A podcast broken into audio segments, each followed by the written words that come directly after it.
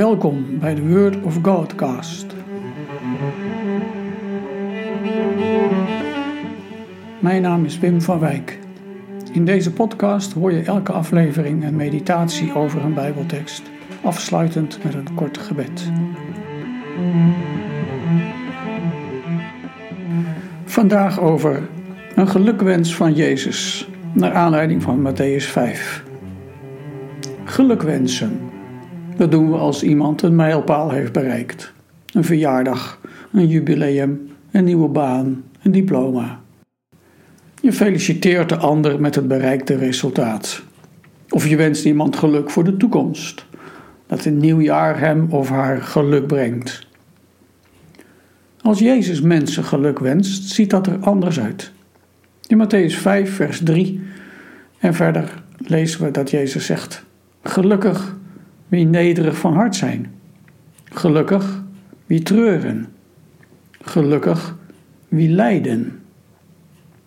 Een drietal gelukwensen. Jezus zegt nog meer, maar ik concentreer me even hierop. Gelukwensen die het begin vormen van de zogenaamde bergreden. Maar dan wel heel bijzondere gelukwensen. Ik zou niet zomaar iemand gelukwensen die diep verdrietig is of iemand die moet lijden omdat hij christen is. Zo iemand heeft recht op vrijheid en op ruimte om voor zijn geloof uit te komen.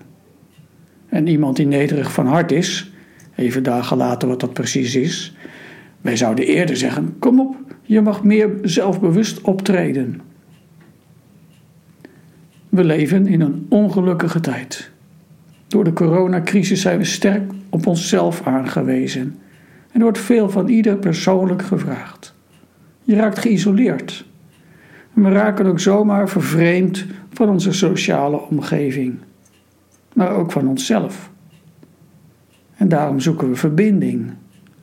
Maar we kunnen het niet op die manier die we graag zouden willen, op een manier die past bij ons mensen.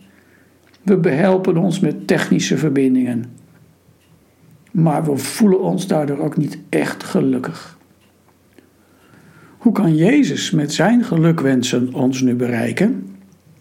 Natuurlijk, ik liet expres even weg wat Jezus bij elk van die gelukwensen zegt. Hij heeft er steeds ook een want bij. Gelukkig wie nederig van hart zijn, want voor hen is het koninkrijk van de hemel. Gelukkig degene die treuren, want zij zullen getroost worden. Ik geloof dat het begint ook bij het kennen van je armoede dat je je bewust ervan bent van hoe hopeloos ongelukkig we zijn. Dat we daarmee te maken hebben. Dat we dat onder ogen zien en ook durven benoemen voor onszelf en tegenover elkaar. En dat er ook dingen zijn die je gewoon niet kunt veranderen. En dat een heleboel dingen die je zou willen gewoon niet lukken. Maar besef dan dat dat ongeluk, dat het verdriet, dat de misère, jou bij God kan brengen. Dat je beseft, ik heb God nodig. Zonder Hem kan ik niet. En als je verdriet hebt, als je moet terugvallen op jezelf, dat je dan vertrouwt en gelooft, God zelf wil mij troosten. En dat is het wat je ten diepste gelukkig mag maken. We raken in een isolement, vervreemd van elkaar. Het project zelf van de moderne mens wordt getest op zijn houdbaarheid. En de vraag is: hoe lang houd ik het met mezelf uit? Jezus wijst voor echt geluk naar iets hogers, naar iets wat belangrijker is en duurzamer is. Hoe fijn en goed het ook is om gezond te zijn, om vreugde te beleven, welvaart te genieten, met een goed inkomen en een mooie woning. Wat een zegeningen zijn dat.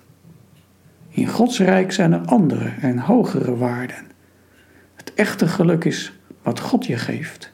Leven in Zijn koninkrijk. Daar is vrede voor een mens die onrustig is. Daar is troost voor een mens die verdrietig is. Daar is liefde voor een mens die dat zo hard nodig heeft. Ja, het echte geluk is God zelf. Een gelukwens van Jezus voor jou. Wat doe jij daarmee? Om over na te denken geef ik je deze stelling mee. Het is een kunst om gelukkig te zijn met Jezus.